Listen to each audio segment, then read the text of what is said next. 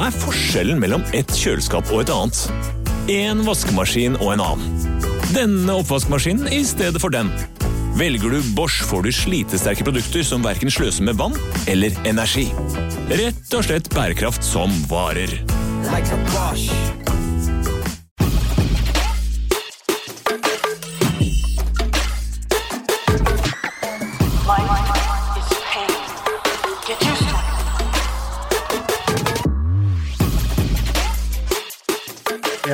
En liten greie hvor jeg så jo at hun hadde gått ned mye kilo. Jeg gjetta altså med en halv kilo feil, fordi jeg kan kroppen til Brita ut og inn.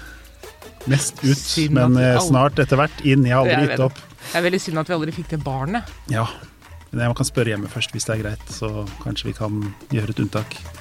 Ja, Aldri men for da, seint. da gjør hun Jeg orker ikke å gjøre noe. Hun må gjøre det. Vi får se på det, vet du. Oh, my eyes! My eyes! At du måtte høre Det var ikke mye av Altså. stakkars Pelle. Um, velkommen til Popkorn uten nåde, programmet som kaster ballonger i glasshus. Og i dag kaster jeg ballong på Christer Falk. Hurra! Og Og så er det glass Det er veldig, veldig gjennomtenkt, dette her, altså. det er det, ikke sant? En gang til. Ja. Det gjør ikke vondt. Nei, nei. Du blir ikke redd eller noe? Nei, jeg er litt engstelig, men det går bra. Jeg skal kaste så hardt jeg kan. Da. Nei. Nei, jeg fikk ikke vondt nå heller. det ser du. Det er derfor Jeg dette programmet mye, er så populært. Ja. For det er helt ufarlig. Det er liksom P4. Det er altså ufarlig. Nei, det er det ikke. Er det ikke det? P4 er ikke ufarlig. Det er skadelig, Det er men eh, skadelig, ikke ja. farlig. Ja, ok. Nei vi, kan, nei, vi kan jo ikke det. Nei. Kan ikke P4. Du, jeg pleier å starte med eh, ord for dagen. Det er sånne der random ting som jeg har plukket fra internett. Oi. Jeg aner ikke hva det er. Eh, eh, men vi, så du leser det, og så kan vi diskutere om dette er noe folk faktisk kan bruke i hverdagen. Eller du og jeg kan bruke i hverdagen. Eh, så da må du bare si et tall mellom Sju. i- Nei, det er, det er faktisk brukt opp. Bård Tufte Johansen tok syv. Er det en, en, mellom 1 og 10? Nei, mellom 1 og 34. Og han tok 7? Han tok syv. Alltid syv, sa han. Hva var 7 da?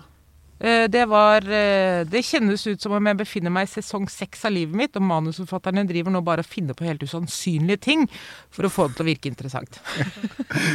den kunne du ha tatt den. der, eh, bortsett jeg er bare på, på sesong 2, og den har vært på loop. Det har vært veldig kjedelig. Ok, da prøver jeg nummer eh, 24. Nummer 24. Vær så god. Da kan du lese nummer 24. Oi, Nå må jeg ta på meg brillene her. Ja. Ja, hallo, velkommen til lesebrillegenerasjonen. Det skjedde et eller annet eh, på 45-årsdagen. Ja. Jeg trenger profesjonell hjelp. En kokk, hovmester og vaskehjelp, eksempel. Du gleder deg til det? Kjempeteit. Ja, jeg, jeg har jo for så vidt ganske mye av dette her. Har du det? Ja. Har du, ha, har- du kokk, hovmester og vaskehjelp? Du vet jo hvem Line, min kjæreste, er. Line vet jeg hvem er, ja. Og hun er for øvrig veldig, veldig glad i deg. Når jeg sa jeg skulle hit i dag, så tror jeg hun følte sånn Hvorfor er jeg bare en bakkvinne? For jeg har også lyst til å møte Brita, tror jeg hun tenkte. Uten at hun sa det ikke med ord, men jeg følte det. Du følte gjennom hele kroppen Etter kroppen ti år så, så føler man hva folk tenker sånn. Ja. Men hun er, jo, eh, hun er jo helt sånn ekstremt god til å lage mat. Hun har jo jobba på eh, Hun har jobba med presse på TV3 i mange år. ja. Og da har hun jo hengt med Hellstrøm. Og jeg tror at Hellstrøm og hun og noen venninner de møttes og lagde mat sammen. Og hun er helt sånn Hvis jeg gir henne til jul en kokebok fra Italia, Mhm. så får hun sånn at jeg må lage alle de 100 rettene i den rekkefølgen de er eh, fra og med i morgen. Og da vet jeg at da har jeg 100 dager med kjempegod italiensk mat.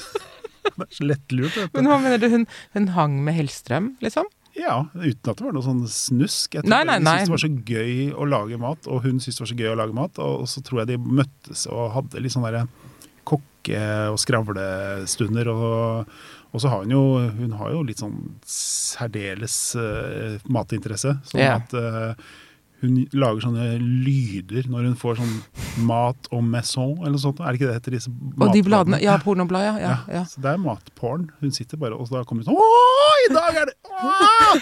Det er, sånn, jeg, det er ikke noe gøy å se folk ta bilder av mat. Og så sitte og lage den Jeg skjønner ikke greia, da, men jeg får jo spise dette her og, og vinner hver eneste dag. Ok, men, men på hvilken måte hjelper du til? Jeg rydder av bordet, jeg vasker opp etterpå. Men hun er også sånn at eh, når hun lager mat, så eh, er målet at kjøkkenet skal være helt uh, krystall Uh, Det skal lukte krystall av, kjøkkenet når maten står på bordet. Da skal det være sånn at ikke Og det skal ikke se- synes at det har vært blitt laget mat? Nei. Nei, nei, nei skal være, okay. og Da slipper jeg jo den biten, så jeg tar, og tar av da, og tar av tallerkener og skyller og setter i Maskinen, vaskemaskinen. ja. Og så masserer du vaskemaskin. Vaskemaskin. På 60 grader! Ja. Ja. Og så masserer du føttene hennes etterpå. ja, men det gjør jeg jo Det gjør du. Eh, men dere har jo fått et nytt barn. Ja. Det er så koselig. Tenk at du i så voksen alder skulle bli pappa på nytt. ja, det hadde jeg ikke trodd. Jeg har jo en på 15 og en på 13. Mm. Og nå har jeg en på, som nå har blitt åtte uker og tre dager. Ja. Som Og- heter Jasper. Med Z, J-A-Z-Z-P-E-R. Ja, for det var det jeg tenkte jeg skulle spørre deg om, hvordan man skulle uttale det. Jasper? Eller Ja. Jasper? Jazz, jeg, jeg sier Jasper. Jasper, ja. ja. Så, og grunnen til det er at uh, um, altså det, er en, det er en lang historie. Vi, uh, vi bestemte oss for å, å få et nytt barn bare for uh, en og en halv måned siden. Ja, akkurat. Det var så på impuls, ja. Ja, Mhm, veldig. Og mhm. da satt vi oss, oss og Det er på grunn av at uh, kjæresten til søsteren min sin uh, uh, hund var så fin. Hva som ble kjæresten til søsteren til Line sin hund. Hvordan blir dette? Jo, Vent litt. Hunden til Søs- Kjæresten min har en søster, søster, som heter Lise. Lise din svigerinne, da. Ja, er det ikke det det blir? Ja, Så din svoger. Min svoger har en hund Ja. som var så pen Ja. at jeg, jeg trodde jeg skulle dø. Og Ja. jeg så på den og tenkte bare hvis jeg bare skal gjøre det i livet med en hund, så skal jeg gjøre det med den hunden. Ja. Nei, jeg vet ikke, det var ikke helt sånn der, da. Men den var altså, altså så vakker. Og så spurte jeg hva slags um, blandingshund det var, for det var en sånn veldig bastard eh, hund. Og det var altså en blanding av golden retriever, labrador, kelpie og border collie. Det, Wow! det er så vakkert at det nesten ikke var sant. Og så tenkte jeg nå går jeg ut på Facebook, og også når, når de dro, da, så sa, spurte jeg Line du, vi skal ikke rett og slett uh, være så gærne at vi skaffer oss en uh, hund, uh, vi også, da. Mhm. Og da sa hun hunden at hvis vi får en hund som er helt lik Tyr, som han heter, mm. da kunne hun vurdert det. Og da la jeg ut på Facebook, og så sa jeg vi er ute etter en miks av disse fire. Det er liksom det er, det er så teit ting å gjøre, egentlig. Og så ble det veldig mye oppmerksomhet rundt den uh, tråden. Folk som syntes jeg var teit. fordi at uh, herregud, du kan ikke bare bestille en sånn miks og herrebababab og. Og, og du vet at når folk blir sure, Veldig, ja. da begynner algoritmene å jobbe med, med oss. ja. Og da begynner dette å spre seg ganske fort. Og plutselig så var det en, en venninne av meg som heter Diana, Mm. som hadde en venninne fra Jørpeland i Stavanger som hadde akkurat den miksen, Nei. som skulle føde om en uke. Og hun hadde ikke gitt bort noen av hundene sine. Fantastisk! bare, Det er ikke mulig. Og dette her skulle liksom vært sånn Jeg tror Line er sånn Hun, er, hun liker å planlegge lang tid framover i tid. -hmm. tid. Mens jeg er sånn som liker å få ting gjort med en gang. No. Så- jeg sa bare 'Jeg har funnet den hunden'. Ja, veldig. Og så tok vi en sånn Facebook eh, eh, videosamtale med, med denne familien. Med Jarpeland. vi fikk lov å se ni, ni små hunder som løp rundt. Oh. Og da sto altså Jasper der og så helt lost ut. Det var én som Og da sa dattera mi at eh, det ser ut som han er sånn musikkelsker, sa hun. Og så sa sønnen min kanskje han liker jazz. Og så heter jo faren min Per, Ja. og så sa jeg bare Kanskje vi skal kalle den for Jasper? Og så likte alle det. Det var helt ingen som gadd å krangle. Nei. Og så plutselig så bestilte vi da postordrebruden, eh, eller brudgommen fra Jørpeland, men vi har henta den opp på søndag. Eh, hvor deilig er det? Det er, den er så fin. Den er så utrolig søt. At jeg, jeg, jeg trodde jeg var litt hard, Mhm. men jeg, det var jeg ikke. Mm -mm. Ikke i det hele tatt. Og det er sånn at uh, første dagen så peip han jo savna sikkert mora si og var helt uh, ute. Og det var sånn Uff a meg, hva har vi gjort? Vi har Stjål... Revet av fredagen Ja. forsvant tre så, brødre og søstre. Lørdagen tre til, og vi var den siste som henta han fra moren. Og moren var helt kul, bare gikk rundt og kasta en pinne. Og liksom, nå tar vi bare ungen din. Ja, ja, gi meg en pinne, du. Det var helt der. Og så tok vi den selvfølgelig i bilen, og vi kjørte leiebil til Sola. Og da kasta han opp og lå egentlig bare litt sånn, så litt sånn stakkarslig og stusslig ut. Og så tok den hjem og var, var helt sånn, der, så tydelig sånn Jeg er bare kidnappa. Det er ikke så mye mer jeg kan gjøre med den saken. Og så kom vi da hjem, og peip og peip og peip, og peip, og så sov vi kanskje tre timer første natta. Og så dagen etterpå så la vi den i senga første natta, så la vi den på puta, sånn at den lå mellom meg og Line. Mm. Dagen etterpå så la hun på puta, da gikk hun tydeligvis dårlig ånde. Så la han seg ved tærne til Line, for de er litt mer godluktende enn mine. Ja. Og i går så eh, tok jeg henne på rommet, la han oppi senga, og så hadde jeg liksom senga hans stående ved siden av i tilfelle, og så sto han bare og så, så ned på senga, eh, sin egen seng. Og så la jeg nedi der, og så sov hun fra klokka tolv til klokka halv syv.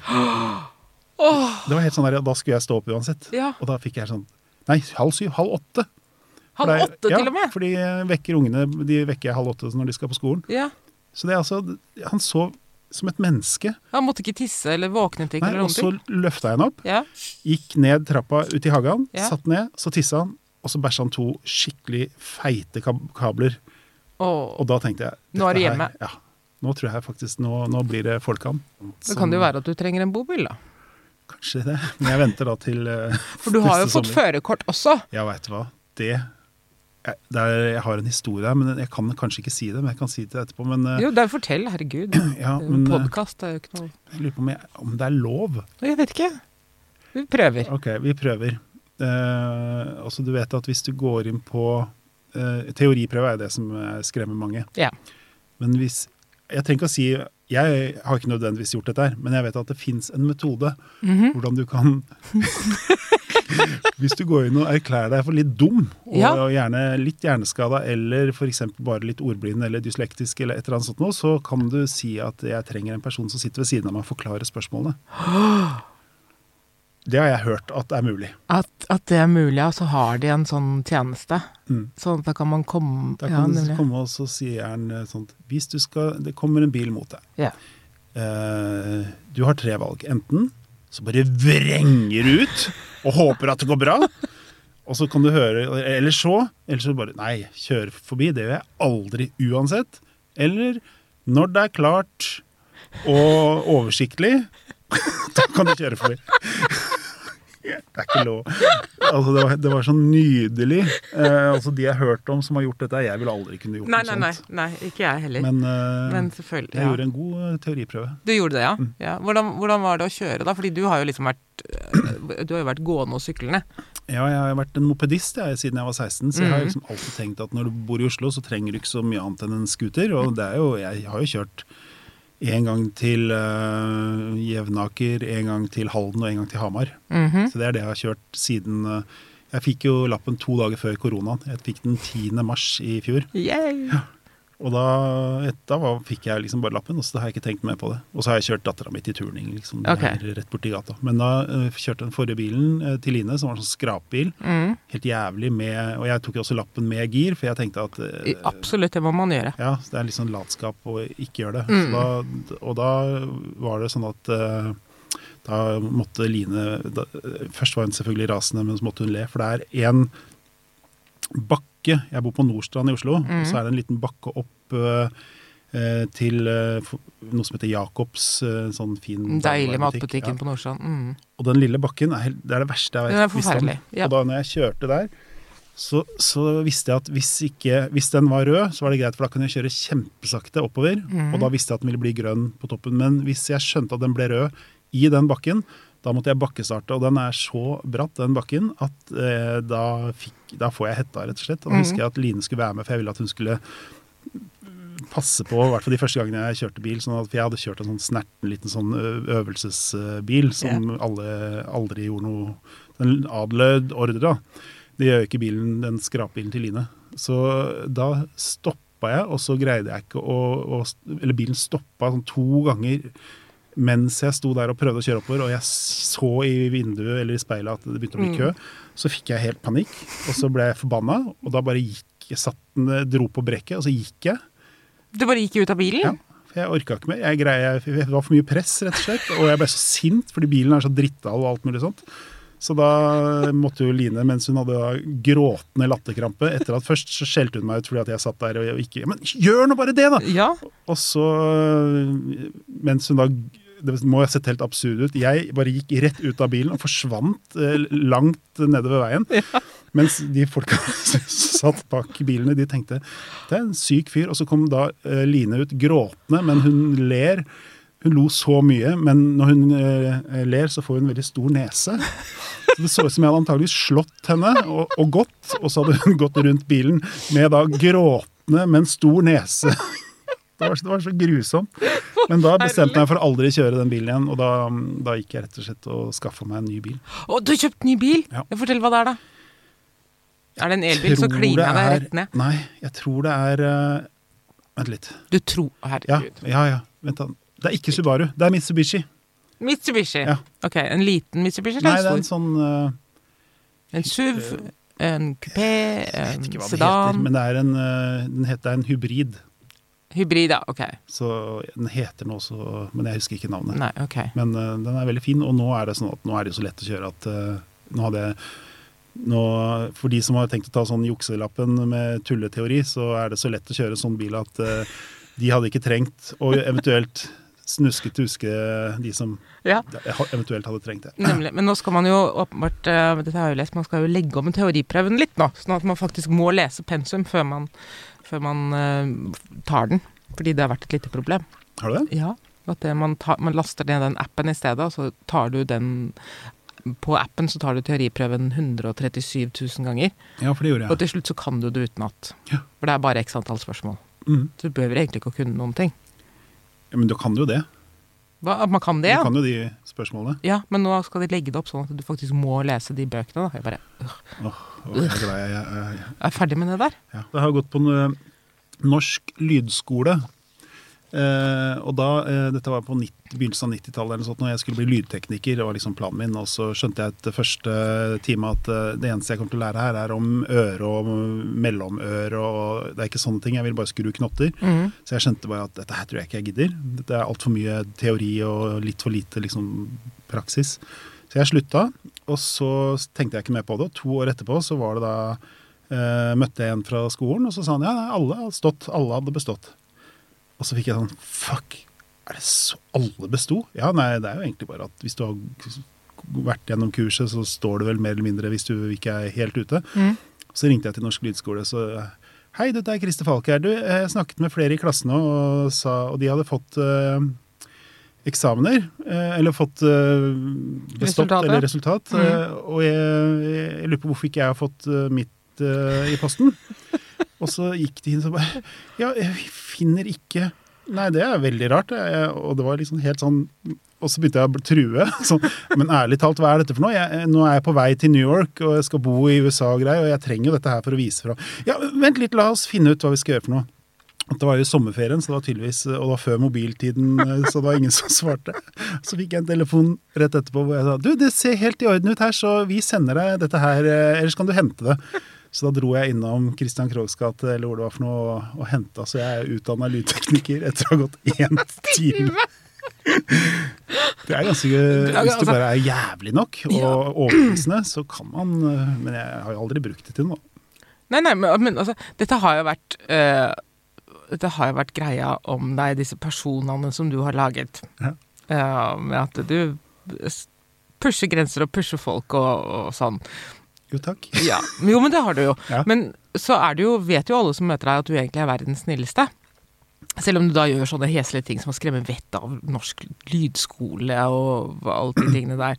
Uh, er du Holder du på sånn ennå? Det er ikke så, jeg er ikke så grusom kanskje lenger. Jeg har jo Det var en periode hvor jeg liksom likte å se hva skjer hvis jeg gjør det. Mm, Bare for å liksom dra det strikken litt for langt. da. mm, Og så likte jeg liksom å lure og ljuge og manipulere. Og jeg har jo liksom, jobben min har alltid vært egentlig det, å manipulere media, f.eks. For eksempel, fordi jeg jobber jo med musikk, og det var en periode hvor ikke det var nok å lage god musikk, hvor man måtte ha gode historier. Og da er jo gjerne en egenkomponert ljugehistorie bedre enn en sann historie fra virkeligheten. For virkeligheten er jo jævlig kjedelig. Ja, det skjer jo egentlig ingenting. Nei, så du må jo enten tweake en liten historie til å bli veldig stor, eller så må man rett og slett bare finne på noe fra scratch, som er det enkleste. Og da gjelder det jo selvfølgelig å, å øh, Da må du må dekke alle sporene sine og, og sånne type ting, da. Eh, Jeg husker en av de gøyeste ljugehistoriene jeg har fått på trykk. Det var eh, eh, rett og slett et intervju jeg gjorde hvor jeg sa Jeg tror det var det var- Du får alltid sånne spørsmål eh, Er det noe du aldri har fortalt noen? Det er liksom det mest du, ja, kreative spørsmålet man kan få. Ah, ja, om det er noe jeg aldri har sagt til noen? Ja, Da har jeg i hvert fall lyst til å dele det med sitt Se og Hør. ja. Men så sa jeg at uh, ja, det er én ting jeg syns er litt ubehagelig, men uh, uh, vi kom på forsiden av Og da er det, når man først begynner å sette seg ned og, så, og tenke sånn, da får jeg sånne historier som kommer veldig uh, spontant. Og når jeg leiter etter historier, så blir historiene bedre også. Men da husker jeg at jeg sa at uh, jeg hadde vært på besøk i militæret til en kompis fra, som hadde vært oppe i Tromsø. Uh, og så var vi på et kjøpesenter, og han var liksom sånn som alltid skulle være Så det er veldig gøy. Hvis du snur deg nå, så, så står det en hund og ser inn, Ja, som har blitt tre meter høy. stakkar! Studiohunden Ja, Pelle. studioen Pelle som plutselig begynte å fly utafor vinduet. Det var ganske spesielt. Det var litt Flyvende hund. Ja, for det er litt høyt. Vi sitter egentlig litt høyt. Ja, det er to Så er meter opp i bakken bakken. Det er ikke naturlig fram, Nei. Så den har rett og slett levitert. Har det? Tenk deg. Pelle, den leviterende 14 år gamle studiohunden. Wow. Jeg ble sjokka. Det var derfor jeg kom litt ut av det nå. Jo, men hvert det. fall det jeg skulle si var at Da sa jeg at jeg hadde vært på et kjøpesenter, Mm. og så hadde jeg liksom en kompis, og han skulle hele tiden Vi skulle utfordre, gjøre, utfordre hverandre å gjøre litt uh, gærne, crazy, crazy humor. Mm. Og da hadde det vært eh, en eh, dverg på dette kjøpesenteret, og så hadde da uh, jeg tatt løpefart, tatt hoppa bukk over den dvergen, og så skulle han gjøre det samme etterpå, men da hadde dvergen snudd seg litt, så kommet litt ut av posisjon, som gjorde at han hadde fått kneet inn i eh, trynet til dvergen, som gjorde at dvergen hadde besvimt, og det hadde stått da i eh, nordlys dagen etterpå, dverg angrepet på kjøpesenter. Det ble en historie for meg, og det syns jo de hørtes så usannsynlig ut. At eh, det var ingen som trodde på det. Så ja, men jeg kan godt få tak i forsiden fra um, Hvis dere ikke tror meg. Ja. For da blir jeg så innbitt på at det skal bli sant. For når ting blir så teit. Så det jeg gjorde, var jo da kontakte eh, en venn av meg som jobba i Nordlys. Og lurte på om han kunne eh, sette meg i kontakt med grafisk designeren, som da kunne fake og lage en forside for meg med nordlys, hvor det står en, en måtte jeg finne deg en dverg eh, på internett som sto og hytta med neven. Jeg fant jo selvfølgelig det. En, en, en angry dwarf Ja. søkte jeg på. Og så fant jeg det, og da sto altså han og hytta med neven, og så manipulerte vi inn angrepet på kjøpesenter, og at vi lagde en fake sak som skulle på trykk, bare for å få i, i Se og Hør at jeg hadde skalla ned, eller at vi hadde knea en dverg. Jeg jobba så mye, men når det kom på trykk, Ja. det var så det var så gøy og tilfredsstillende. Og når de da eh, For selvfølgelig sier jeg det etterpå at ha-ha, du, jeg kødda. Jeg har bare lagd en forside bare for å irritere og skaffe meg en uvenn i pressen. For det har alltid vært Men de eh, trykket deg? De trykka det. Og det var en helt nydelig sak, hvor jeg sto at um, endelig oppklart etter 25 år, så sto det Christer Falk. Det var bare eh, at det var Christer Falk som hadde eh, knea denne dvergen og ville si unnskyld, og da lagde vi en unnskyldsak. Jeg får vondt, jeg jeg blir så glad, og så får jeg utrolig vondt i hodet samtidig. Ja, takk. takk. For ditt forhold til pressen er jo anstrengt, kan man vel si. Ja, det er katt og mus. Ja, fordi um, for komme, vi skal, Hvis vi klarer å føre en sånn derre samtidig samtale Fordi du, hvis jeg kan kalle deg en slags sånn hemmelig gudfar i norsk musikk Ja, Det hadde jeg veldig likt å hørt. Jeg, tror ikke, jeg vet ikke om det er eh, sant, men eh, det er jo sånn man liker å høre. Hemmelig og gudfar. Ja, eh, fordi du holder jo på med utrolig mange prosjekter, og uh, samleplater og hyllester og noen bøker innimellom. Um, og dette skal på en måte ut, så da må du jo snakke med noen i pressen som du egentlig ikke kan fordra. Ja, ofte. Ja. Og vi vet at kvaliteten på norsk musikkjournalistikk har jo forsvunnet. Jeg skal Ja, ikke si at den er rasende, den er borte. Den er nok De kan, men de får ikke lov, eller vil ikke. Det er jo en av de to. Men eh, nå er det ikke lov å skrive om musikk lenger. Du må finne ut uh, hvem de er gift med, eller har de Mm. hatt sykdommer, eller sånne ting er jo det som er uh, Hvis du skal få i hvert fall i de store, Ja. mediene, så har du jo Klassekampen, og så har du Dagsavisen og Morgenbladet og et par-tre steder til som på en måte fortsatt kan skrive om musikk, men det blir ikke så mye lest, så da er det jo liksom like langt. Men ja, da må du gå og hore, da. Til Ja, ja. VG og Dagbladet og Ja, så, og og, nå har jeg jo fått meg bare uvenner i VG, så den er jo på en måte, der er jeg Å, ferdig. så gøy! Fortell. Nei, det var jo bare Jeg gikk vel ut ganske hardt mot øh, en journalist i VG her for en, øh, et år siden. Og etter mm. det så har jeg ikke hatt noe på trykk i VG, og de Jeg bare vet at det er dårlig stemning der oppe mot meg. Ok. Så- Du var slem, eller han hadde vært dum? Eller? Nei, han hadde øh, bedrevet dårlig journalistikk. Mm -hmm. og tråkka over enda en grense etter veldig mange ganger, mange ganger opptråkkede grenser fra før. Mhm. Så sa jeg fra, gjorde det litt stort. Eh, lagde selvfølgelig en Facebook-post og kjørte intervjuer, og det he- heiv seg jo på hundrevis av andre kjente musikere som hadde opplevd det samme behandlingen av vedkommende. Ah, okay. Så det ble dritdårlig stemning, og da er det selvfølgelig sånn at eh, sant, du har jo din lille flokk hvis du hadde hatt en arbeidsplass hvor du eh, er, og da, da blir man jo automatisk uvenner med alle. Fordi at noen har angrepet noen i flokken sin, og jeg også tok jo journalister generelt, og da endte det opp at det ble en del generelt journalister da, som eh, ikke syntes dette var noe særlig. Så jeg fikk en sånn ordentlig sånn sinna nattmelding en gang fra en annen journalist i samme avis som uh, skjelte meg ut. Og eh, egentlig litt sånn jeg tenkte hva er dette her for noe rare greier? Mhm. Og så så, etter det så er det ikke noe vits å ringe dem, for du vet at du får ikke noe på trykk der uansett. Nei. Ok, men altså, himmel og hav. Altså, ja, når, journalistene, når journalistene er blitt så tynnhudede at de ikke tåler kritikk, da kan man jo ikke være journalist. Nei, Det er det som er litt gøy da, nå litt, når det er litt transparent og åpent, og Mm. Facebook på en måte har blitt nye hva skal man si, en uh, oppklaringsetat. Fordi Mm. at Før så kunne du jo skrive hva du ville, og så sto du og hytta med neven. og Det stemmer ikke, men ikke noe, du hadde ikke noen steder å uttrykke det. Mm. Så nå må jo faktisk journalister være mer etterrettelige. Uh, og de som ikke er det nå, Mm. de, de får det sånn som han som jeg plagde. da. Mhm. Og det er bra. Kanskje det presser dem til å bli mer, etterrettelige. På sikt. Det tar lang tid. Det er, jo sånn, er jo sånn at hvis du har et vepsebol på terrassen, Ja. så kan du enten prøve å lære vepsene å oppføre seg som folk, eller så kan du ta vekk vepsebolet. Det er jo da mitt tips til uh, norsk presse. Se på de folka som vepsene inni dette vepsebordet mm. De kan, du kan prøve å lære dem, eller så kan du bare ta dem Ta bort. Ja. ja. Spraye dem. Spraye dem, Ja.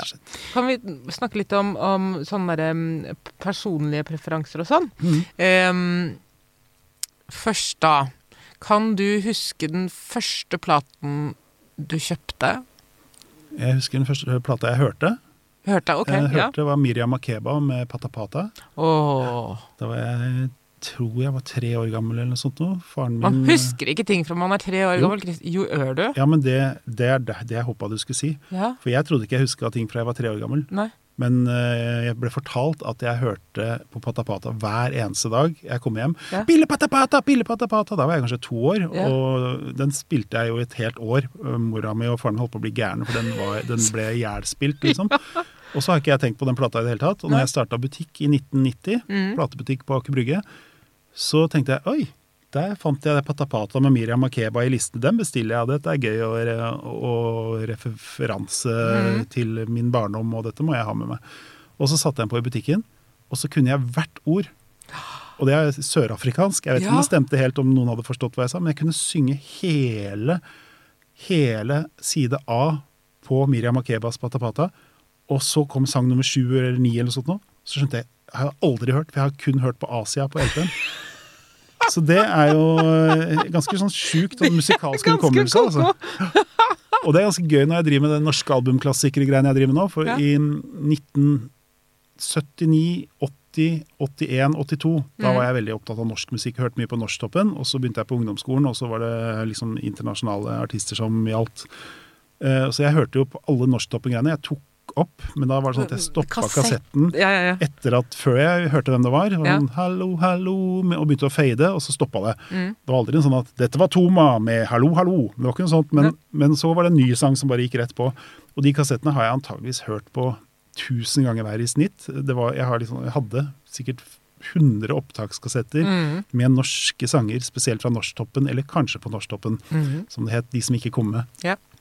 Og de har jeg så frisk inni huet mitt at når jeg begynte med den norske albumklassikere og begynte å grave i gammel moro som fra 70-80-tallet og sånt noe, så plutselig så får jeg sånn herre Kan det ha vært den sangen som het Det er et band som heter Folk, som hadde en sang som het Opiumsdrøm. Som jeg ikke visste for øvrig at det handla om eh, narkorus, men eh, det var noe, hadde jeg visst det, hadde jeg jo tatt eh, skikkelig avstand fra det. ja, det hadde du. Men det er er sånn tango, norsk tangolåt da, som handler om opium. Hvor jeg bare fikk helt sånn herre jeg, jeg, jeg Plutselig så var jeg tolv år. Jeg hørte låta bare Opiumstrøm har deg foran en kvinne deilig gjemt Det var helt sånn ordrett. Alle sangene kom tilbake til meg. Og jeg har store problemer med å huske tekster Ja. uh, av nyere musikk. Men alt som ble spilt fra 79 til uh, kanskje 83, mm. det kan jeg på rams, altså. Det er ganske sjukt. Ja, jeg tror, vi, jeg tror vi alle har det sånn. Jeg jo jeg har jo hatt en lang periode nå hvor jeg ikke har orket å høre på musikk. Fordi jeg var veldig syk for ti år siden og ble veldig deprimert. Og det å høre musikk var veldig hardt. Altså fordi det bare brakte meg tilbake igjen til alt som jeg syntes var trist, eller alt, ting som jeg ikke orket å huske på. For ti år siden så også musikken som var ny for ti år siden, den eller er det sånn generell musikk? Nei, jeg orket orker ikke, å høre, orker ikke å høre musikk i det hele tatt. Det er ganske lenge å ikke høre på musikk. Og så i fjor så forelsket jeg meg, da. Da åpnet det jo liksom 3000 dører bare sånn Og så tenkte jeg nei, å, dette må jeg jo ha noe lydspor til. Og så begynte jeg å grave og høre på musikk som jeg ikke hadde hørt på veldig lenge. Det var dritsterkt! Altså virkelig, virkelig. Jeg var sånn derre Å gud, det er jo den! Å nei! Og det var jo sånn jeg følte da. Og det var derfor jeg hørte på den. Ja, Og det var, det var helt sånn det, det- Jeg vet ikke, antageligvis sånn som folk som Sånn som Line, som forstår mat. Plutselig skjønte jeg at det er musikk, hvor utrolig viktig musikk var. ja. ja. Og at jeg kunne sanger som jeg, ikke, som jeg trodde jeg hadde glemt. Altså, jeg kunne tekstene på låter som var sånn Og vi snakker om ting fra min ungdom. Ja, Også som jeg begynte å 80-tallet. spille. Ja, ja, ja.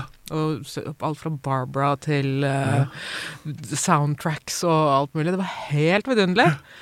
Og tenk å ha lukket, ha den døren lukket i ti år, og ikke orke. Jeg kunne godt ha musikk i bakgrunnen, men jeg kunne ikke høre på noen ting. Men var du så sliten i huet da? Mhm. Er det, dette er offisielt, eller? Eller er det sånn du ikke Ja, nå er det i hvert fall offisielt. Ja, nå ble det nå. Ja. Men så fælt. Men Ja, det var ganske fælt.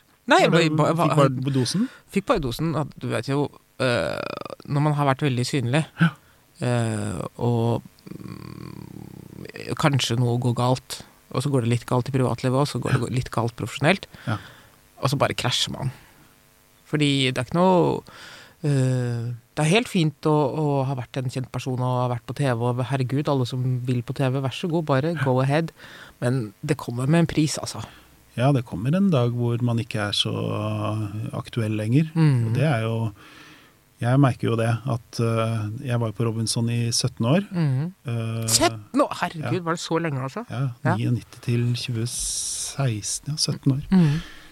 Og jeg merka jo i begynnelsen hvor, hvor eh, poppis jeg var på TV3. Mm. Det var liksom aldri noe tvil hvem som skulle inn. Og så kom det da Oi, nå bytter det en sjef.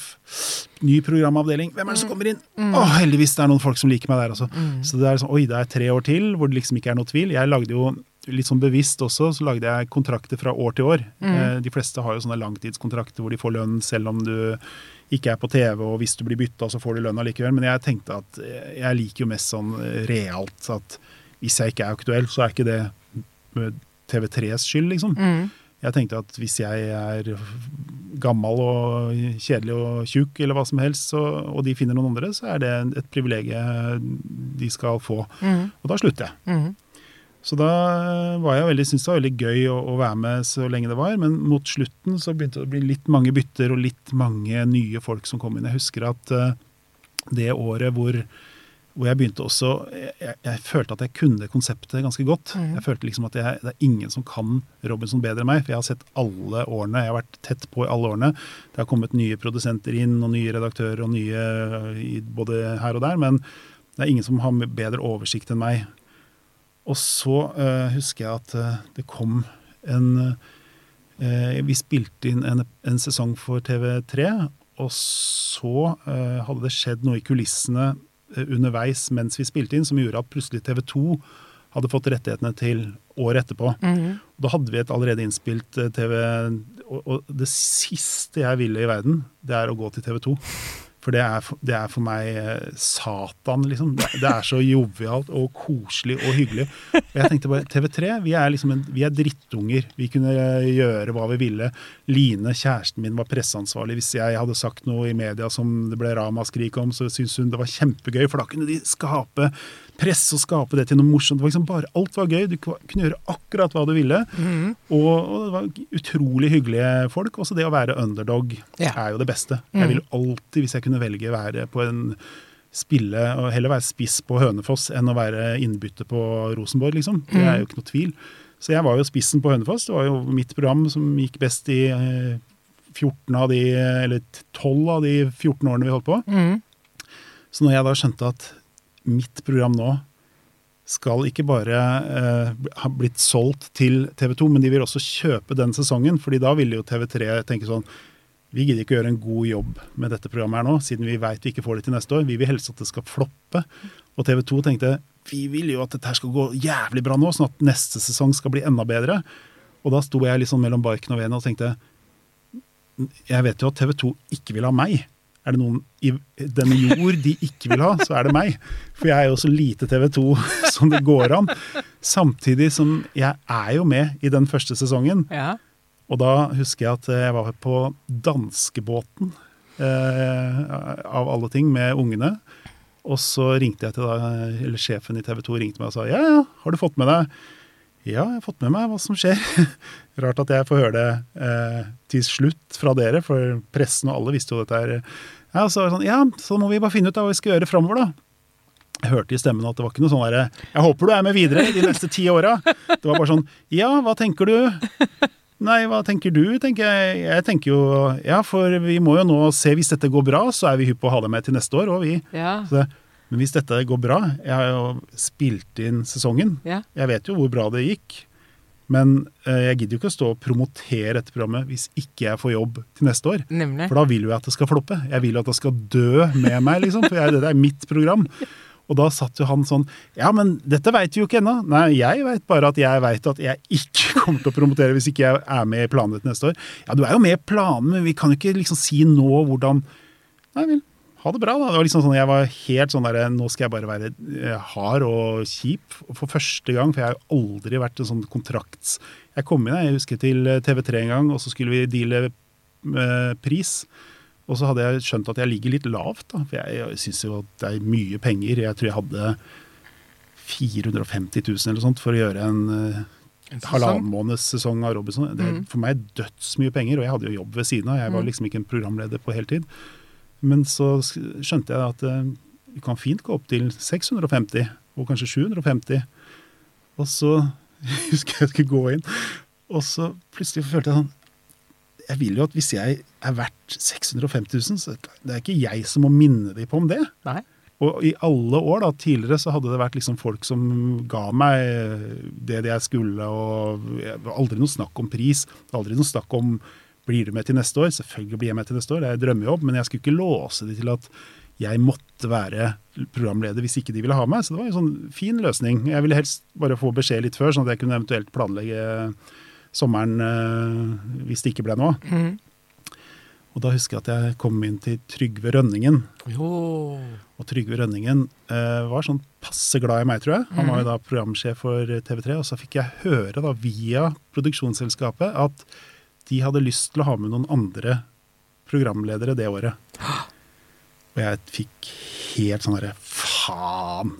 Og det var i 2000 og jeg vet ikke, 6 eller 7, jeg husker ikke helt. Det var i hvert fall noe ganske lenge siden. da. Men da husker jeg at jeg hadde vært så lur, fordi det var ett år det var pause i Robinson, og så hadde jeg vært så lur, for jeg visste at det kom til å skje et eller annet på TV3 framover. Eh, hvor da skulle jeg gjøre et program, et skikkelig drittprogram. Jeg hadde aldri eh, sagt ja til noen andre programmer heller, for jeg hadde syntes at Robinson holdt, og da kunne jeg liksom være litt kjip og litt sånn slem, og jeg vil ikke gjøre noen sånne joviale programmer, men da skulle jeg være på noe som het Enstemmig, hvor det satt da 15 mennesker nede i en kjeller, og så skulle de fra uke til uke Alle måtte bli enige om hvem som skulle vinne førstepremien, og da gikk det fra én million kroner, og så gikk det nedover og nedover i tid. Og så ble én og én stemt ut, og hvis ikke de ble enige, så gikk det en uke til. Egentlig ganske absurd. Litt gøyalt konsept, men, Skrullete! ja, det var ganske, men det var så ute. Men da husker jeg at jeg fikk i kontrakten der at Ble det noe av? ja programmet ble noe av, det floppa jo, så det holdt. Hvor var dette? På TV3. TV3? Enstemmig. Enstemmig. Ett-tall stemmig. Skikkelig dårlig. Og det var så dårlig. Og jeg husker til og med at eh, det var jo en som ikke jobba Altså Noen hadde pitchet dette, noen hadde kommet og sagt 'dette vil vi lage', eller var det din idé? Nei, nei, ikke min idé. Det var, nei.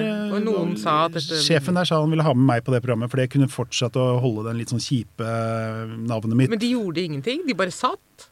Ja, De var i en kjeller. De gjorde egentlig ikke noen verdens ting annet enn å sitte i en kjeller, og så kunne de diskutere og bli enige om hvem som skulle uh, få disse penga. Ja, det, det var helt sjukt. Helt Og så skulle jeg da inn i et rom som var kanskje én kvadratmeter, hvor jeg skulle snakke med de på skjerm. Og det som var problemet, det var glovarmt. Det var om sommeren vi spilte inn. Og jeg satt der, og det spruta svette. Så jeg, også ikke bare det. Det var noen som hadde funnet ut at jeg skulle ha på meg Det var en som var litt Depeche Mode-fan, som sa at Nei. du skal ligne på David Gahan i Depeche Mode. Så tenker jeg, men jeg har langt boogie-sveis. Liksom, mitt, jeg ser ut som en jente på huet. David Gann er sånn kortklipt. Han har jo kortere hår enn deg. Så jeg satt jo sånn Så nå skal jeg liksom få på meg et slips og en vest, og så skal jeg se ut som han i Depeche Mod. OK. Jeg tenkte bare jeg, jeg, bare gjør det jeg- som kreves av meg. Hvis det er proffe som da påstår at det ser bra ut, så gjør, så gjør vi det. Ja. Men da eh, hadde jeg fått med i den kontrakten at eh, hvis det blir en ny Robinson, så skal jeg være programleder for Robinson. For da var det egentlig tatt av lufta litt. Ah, ja. Og da kom jo da Trygve inn. ja. Hadde sjekka den siste Robinson-kontrakten, Mm. for det var jo glemt allerede etter bare noen måneder. det programmet. Det var jo... Ja, ja. Sendt er glemt. Ja. Og der sto det ingenting om noen opsjon. Nei. Så han hadde, jeg tror han hadde ansatt en ny person som skulle være programleder. Og så fikk jeg høre det via da produksjonsselskapet, som selvfølgelig var jævlig sure fordi at de ville ha med meg. fordi vi har jo jobba sammen i alle år, og vi er jo alle vennene mine. Og så sa de det, og så sa jeg du, kan ikke du be Trygve Rønningen eh, lese kontrakten til enstemmig? Eh, og så ser vi hva som skjer. Jo, jo, og så sa han det, da. Og så en halvtime etterpå. Hei, hei, det er Trygve Rønningen her. Er du klar for en ny runde med Robinson, eller?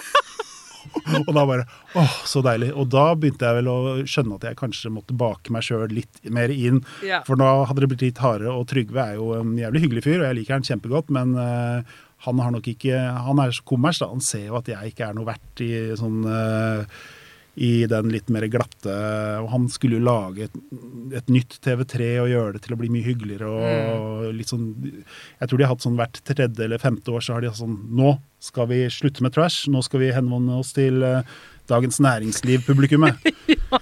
OK.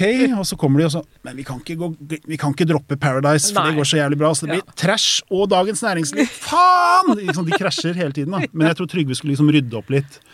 Og, og jeg vet at han ikke var sånn veldig opptatt av, av meg, sånn, eh, i hvert fall sånn TV-messig. da. Mm.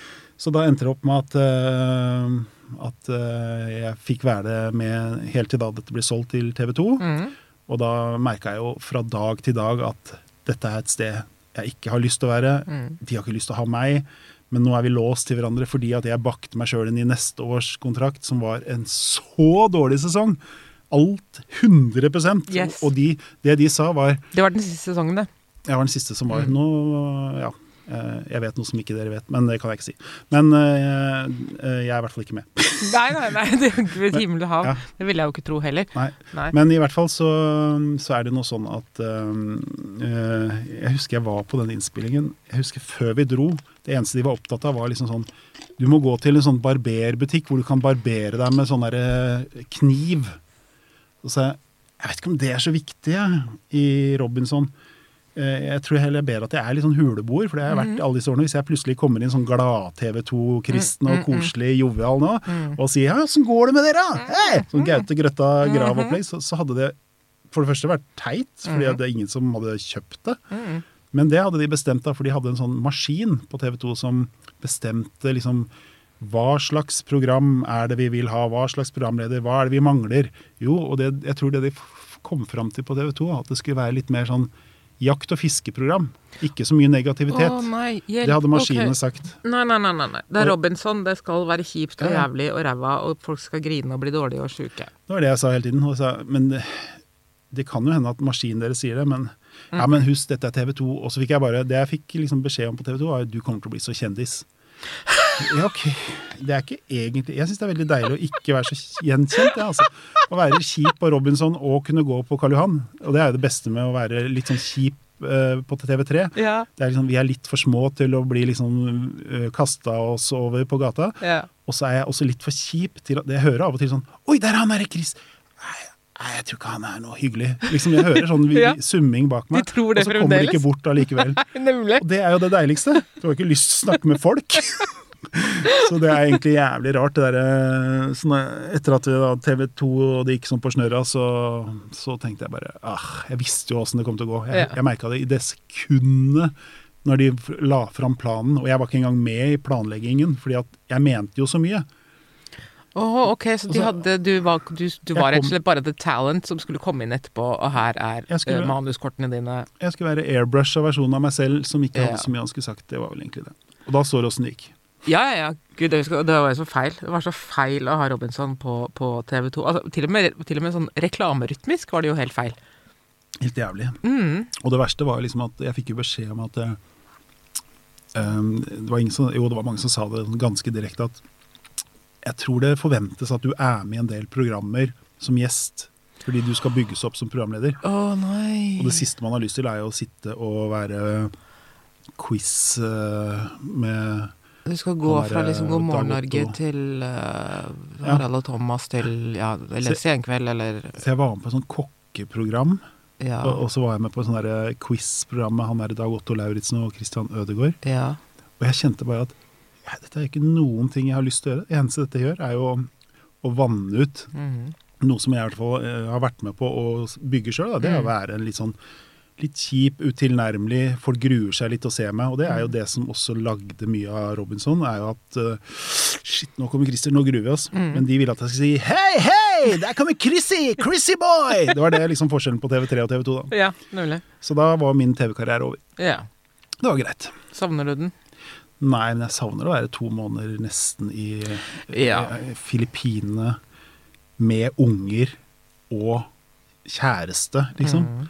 Det, er jo, det er jo nesten for godt til å være sant. Ja. Det er jo ikke jobb. Nei, det er jo ikke det. Sånn at vi, det, vi, det vi kan være gjennom, for det har vi jo til felles at vi begge to har vært reality-programledere. Ja.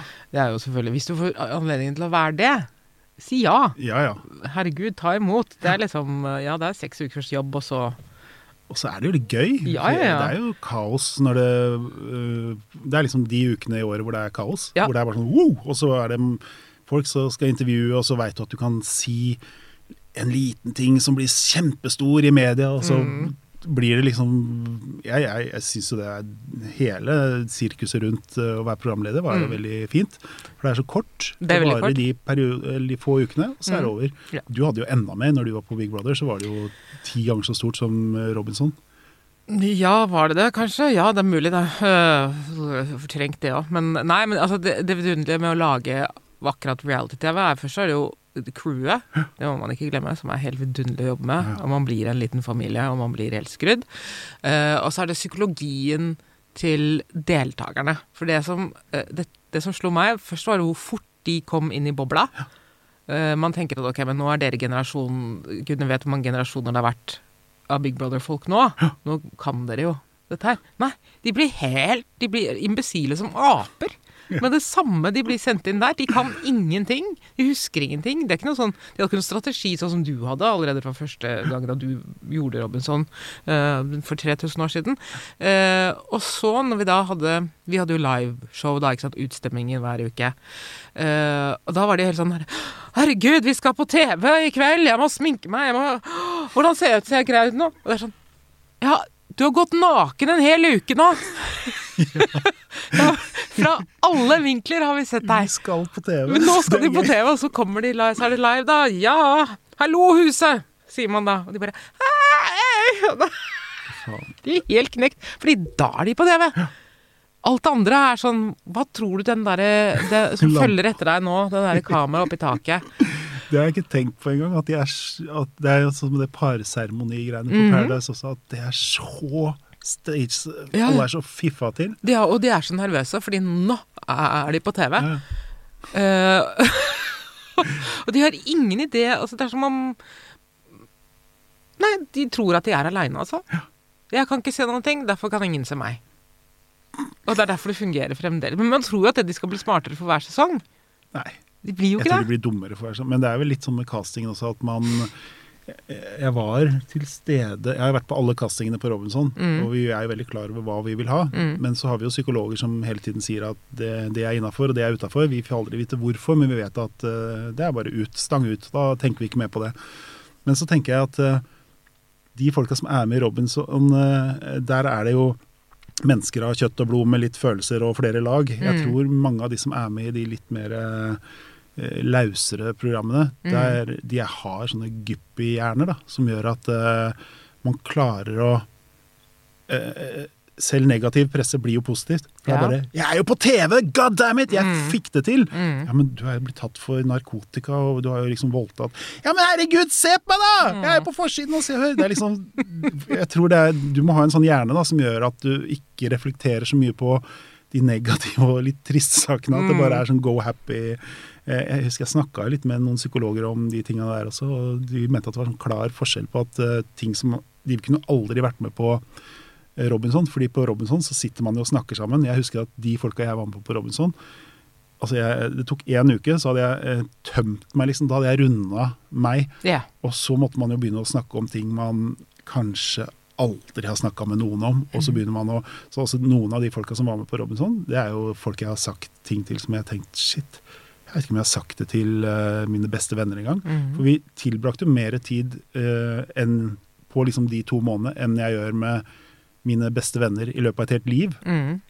Hvis vi Altså 24 timer i ja. døgnet på under skikkelig ræva forhold. Ja. Ja. Og når man alle har det ræva på likt, Mm. Og ræva på de samme tingene, så, så får man en sånn bonding. Jeg skjønner den bobla, som Mm. eh, du eh, sikkert også har sett på tett. Mm. eh, altså Du får en eller annen sånn Det er alltid en grunn til at når man er ferdig med et sånt type program, så går man ut så bare Vi skal alltid være bestevenner. ja, ja, ja. Og så kommer jo virkeligheten, at Ja. bobla forsvinner litt og litt, og så tenker du Jeg vil gjerne være venn med det, men vi trenger ikke være sammen hver dag.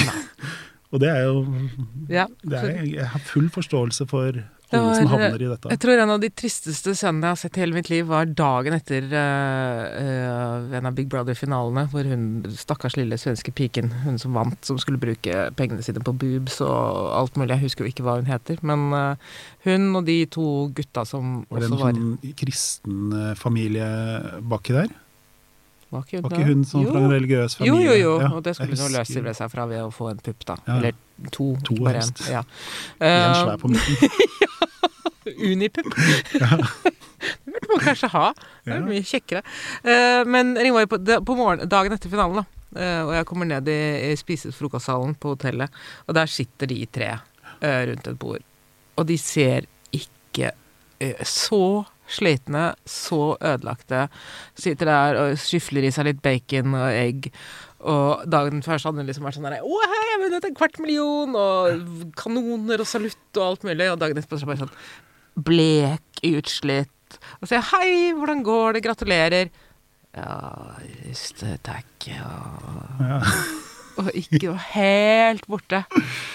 Og det var sånn Ok, dette er resten av livet ditt. Resten av livet ditt var ikke Tenk om det hadde vært sånn når du er bare i fyr og flamme. Ikke sant? Og så er det bare over.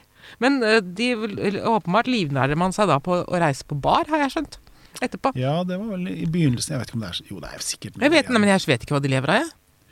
Nei, jeg, i begynnelsen på Robinson, da husker jeg at jeg ble spurt om å være på en bar. Jeg skulle få 10 000 kroner hvis jeg var på en bar. Og så Ja. det... jeg, men jeg har aldri vært på bar i hele mitt liv, jeg vet ikke hva det vil si. Og hva skal man gjøre på? Og da skjønte de ikke at jeg ikke drakk og ikke Mm. likte det greiene der. Da. Men, men jeg hadde noen fra min generasjon på en måte som, mm, som levde en god stund av bare være på bar. Så kom det en ny eh, sesong året etterpå, og så Mm. var det de tre. Og da, da dro de nye med seg de gamle, så det ble Ja, ja. liksom en sånn sliten bargjeng Ja, som fikk penger for det. nemlig. Jeg har jo, jeg har jo en eller annen Paradise-person som jeg har jo vært på et kokkeprogram med. Jeg ante ikke hvem han var. Jeg trodde han var idrettsperson, siden jeg ikke visste hvem han var. Uh, men han var da en av de legendariske Paradise Hotel-deltakerne. Uh, og da jeg prøvde å spørre hva han fikk penger for, så sa han det at han Se her, denne klokken har jeg fått tilsendt, eller disse skoene, eller den, disse klærne. Folk sender til meg. Og så må jeg ha på meg de når jeg går ut, eller så blir jeg invitert på bar. Ja, men hvem er det som inviterer deg på bar? Og hva gjør du da? Nei da, bare å sitte der og prate og bli tatt bilde av, liksom. Men du har ikke rukket å binge noen ting? Det var det jeg ville vite. Nei, vi ser på mye, altså. Men hva er det siste vi så på nå? Vet du hva, Jeg spør alltid Line hva er det vi ser på nå? Ja. Fordi at eh, Noen ganger så når vi har ånden over oss, så ser vi på liksom ting veldig kjapt. Ja. Men nå har vi begynt å se litt filmer. Fordi at nå har vi liksom tenkt nå, Vi rekker ikke serier. Nei? Og så ser vi stort sett bare på gamle filmer med ungene, fordi at det er så gøy å vise fram Ja. eh, sånn eh, Sant? og- det det merker jeg at de syns 90-tallet er det teiteste i verden. What? Og det er fordi at det er en, ja, det merker jeg sjøl hvorfor. Det er med klipping og tempo å gjøre. Ja, det har kanskje det. Det er Ja da. veldig tempoforskjell på 90 bare til 2000-tallet. Så er det kjempeforskjell, og da er det jo litt sånn mer eh, litt, Det går litt kjappere. Ja, men jeg vil jo si at 90-tallet er det siste store, gode filmtiåret for Hollywood. Altså, det starter med Nattsvermeren og Ja, ja. Goodfellas og slutter med The Matrix. Nei, det, akkurat Matrix og, og Nattsvermeren funka. Det, Ja. det er jo klassiske. Men Mm. jeg hadde en sånn liten eh, forkjærlighet for litt sånn romantiske komedier og sånt noe. På 90-tallet? Ja, Ja, de holder ikke så lenge nå, Nei, kanskje. og det merker jeg. Det er dårlig nå, altså. Ja. Det er sånn, jeg husker jeg grein så fælt av Sandra Bullock med den derre 28 Days. Ja! Jeg syns hun var så fin. Ja! Og jeg har aldri vært så veldig fan av Sandra Bullock Nei, nei, nei. Før, før den filmen, men nå er det sånn at bare jeg ser Sandra Bullock så får jeg nesten sånn begynne å grine. og det er så flaut, for hun er jo så middelmådig på alt. Og, Jeg vet. og jeg tror hun er litt morsom, men allikevel så, så husker jeg så den filmen med ungene og, og satt og strigrein, og da satt ungene bare sånn Pappa, dette her er jo bare drittfilm. Liksom. De, de syntes dette var så flaut. Og jeg ble så følelsesmessig engasjert. Ja, det er jo en veldig gripende historie. Ja. Og, og man skal ikke disse de middelmådige, fordi det er bare de middelmådige som alltid er på sitt beste. ja. Og det er derfor Sandra Bullock varer og varer og varer. og varer. Ja, men det er bra å ikke ha sånne ekstreme topper. Ja, for da blir du borte. Ja, ja, For da vil alltid det sammenlignes eh, Gjøre det også som Adam Sandler gjør. Bare legg deg langt under streken. Så kan du leve evig. Hater Hvis du bare appellerer til middelmådighetene. Nei, oh, å. Husker du han gjorde punk eh, drunk eh, Nei, punch, drunk, love? Ja. Den likte, ja, men den likte jeg. Gjorde du?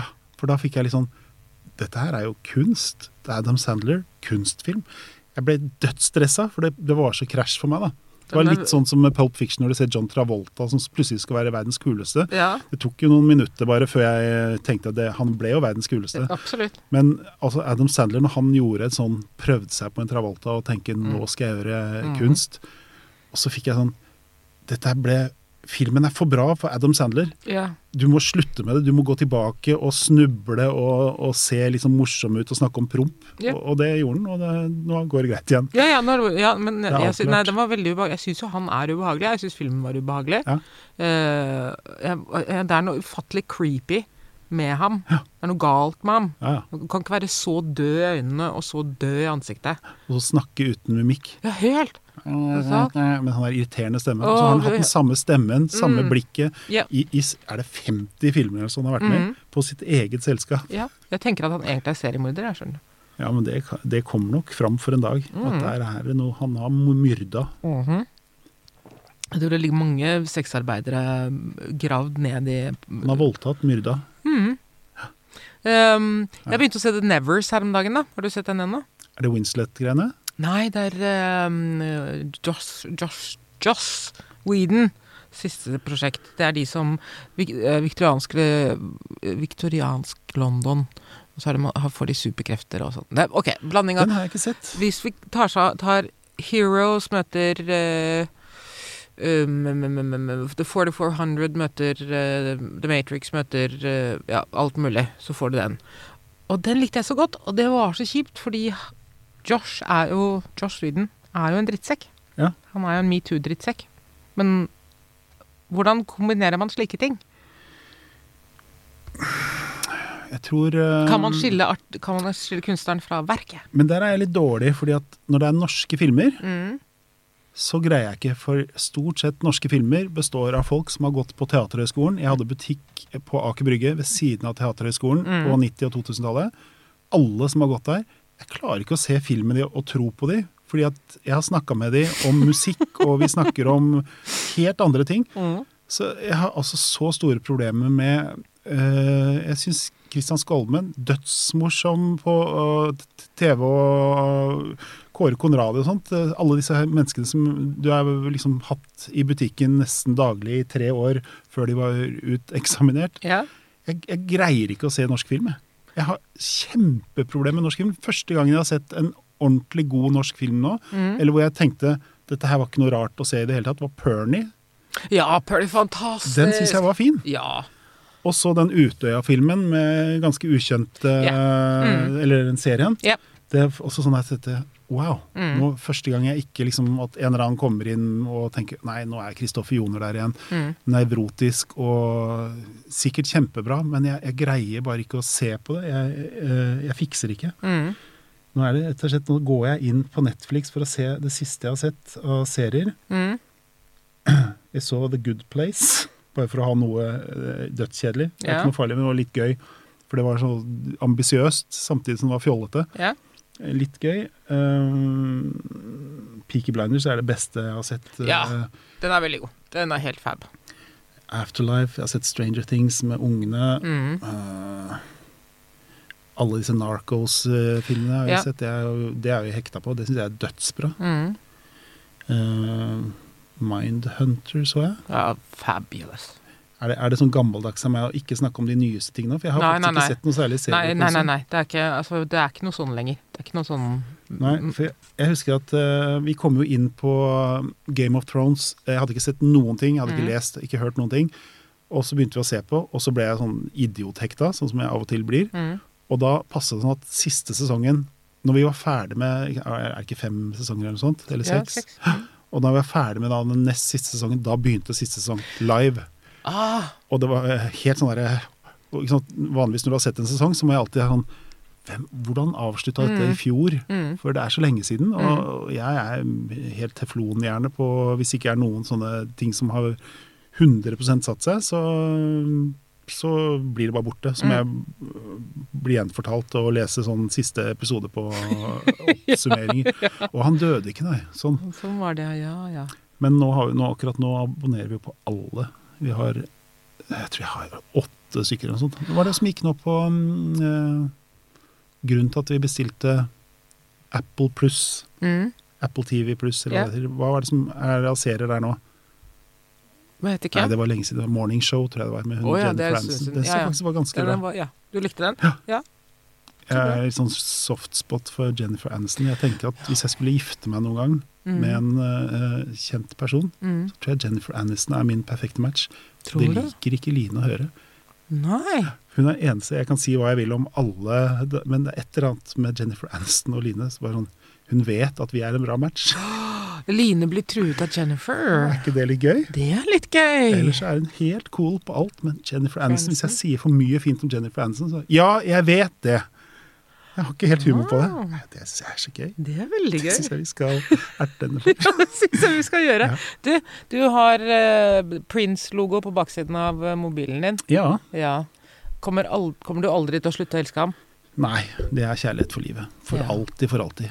Har vi hørt alt som han har gitt ut ennå, tror du? Nei, ikke i nærheten engang. Det er det som er så sjukt. Nå kommer det jo faktisk bare om noen uker et helt nytt album som ingen har hørt. Som han bestemte seg for å lage på kort tid, og så fant hun at nei, jeg lager et annet album istedenfor. Og det fins kanskje 20 sånne album, helt ferdig innspilt, som han droppa i siste liten. Kanskje han har tatt med en låt seinere og putta den på et annet, eller noe sånt. Men, og i tillegg enkeltspor i, i tusenvis, eh, liksom. Så den katalogen der, han kommer til å gi ut de beste platene hvert år i hvert fall 20 år til. Og så er jeg død. Og da er det ikke så nøye hva som skjer etter det. Da har det forhåpentligvis kommet en ny pandemi som utrydder alle over 60. med, de ordene sier jeg tusen, tusen takk til deg, Christer. Og veldig fint at du kom. Veldig Jeg føler hyggelig. at vi er veldig mye nærmere hverandre nå. Jeg gjør det. Ja. Og så, øh, Vi var nærmere hverandre før, fordi Ja. da var du litt tjukkere. Nå har du blitt så tynn at nå har jeg, har likevel allikevel en sånn distanse, men jeg kommer til å snike meg litt innpå deg når du legger på nå. Jeg syns du skal gjøre det, for jeg syns jeg er så deilig. Takk. Selv takk.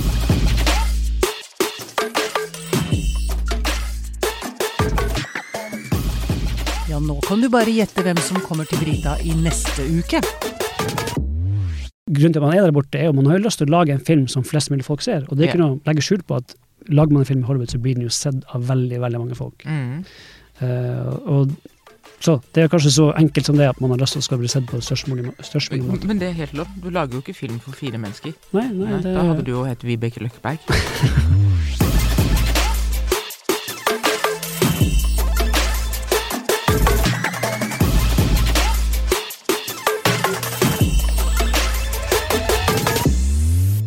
Ripley, last survivor of the Nostromo. Signing off. Denne podkasten er produsert av Tid og list.